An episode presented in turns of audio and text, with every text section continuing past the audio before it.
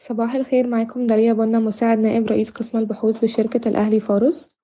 أخطر البنك المركزي المصري البنوك بالتوقف عن منح تمويل جديد في إطار مبادرة القطاع الصناعي والمقاولات والطاقة الجديدة والمتجددة بمعدل عائد تمانية في المية.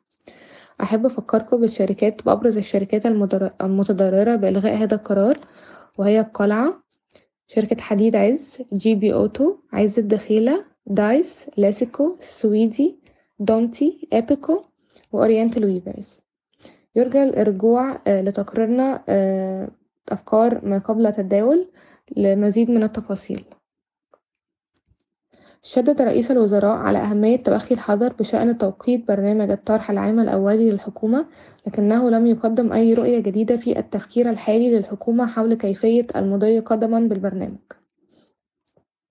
نشرنا تقرير تحديد تقييم العقارات في مصر لسنة عشرين تلاتة وعشرين أمس حيث قمنا بتحديد القيمة العادلة والتوصيات وأفضل الخيارات. يرجى الرجوع إلى تقريرنا المنشور أمس لمزيد من التفاصيل. أغلقت شركة بالم هيلز إصدار سندات مورقة بقيمة ميتين تلاتة وتسعين مليون جنيه مصري. يستهدف صندوق قطر للاستثمار الاستحواذ على حصة في الصناعات الكيماوية المصرية كيما كجزء من استثماراته في شركات مدرجة بالبورصة المصرية. لم توضح المصادر بعد الحصة المستهدفة أو وقت الاستحواذ.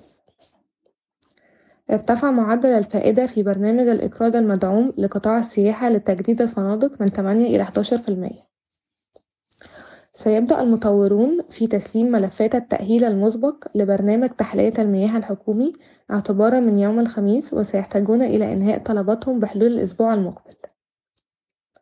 سجلت دايس في الربع الثالث من سنة عشرين اتنين وعشرين تسعة وتلاتين مليون جنيه مصري. وهي زيادة قدرها ميتين وتلاتاشر في المية على أساس سنوي وعشرة فاصل تسعة في المية على أساس ربع سنوي. ليصل صافي الربح في أول تسعة أشهر لعشرين لسنة عشرين اتنين وعشرين إلى تمانية أربعة وتمانين مليون جنيه مصري. مقارنة بسبعتاشر مليون جنيه مصري تم تسجيله في أول تسعة أشهر في سنة عشرين واحد وعشرين. استحوذت شركة شمير انفستمنتس ومقرها أبو ظبي على ستة وخمسين في المية من بلتون لتحل محل أوراسكوم المالية بصفتها المساهم المسيطر في الشركة.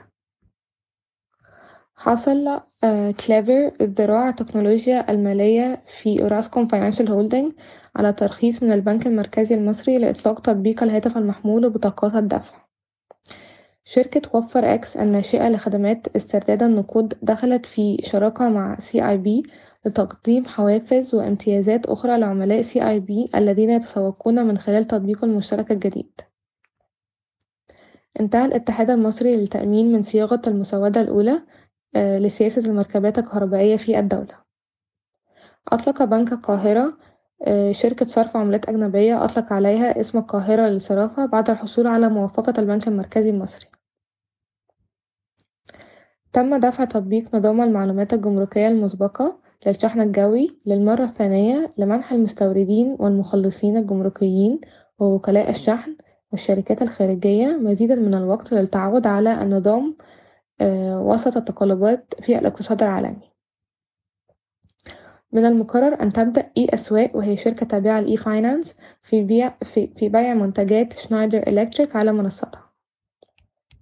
وقعت هيئة ميناء الإسكندرية مذكرة تفاهم مع كونسورتيوم صيني لتخطيط إنشاء وإدارة وتشغيل المنطقة اللوجستية بميناء الإسكندرية.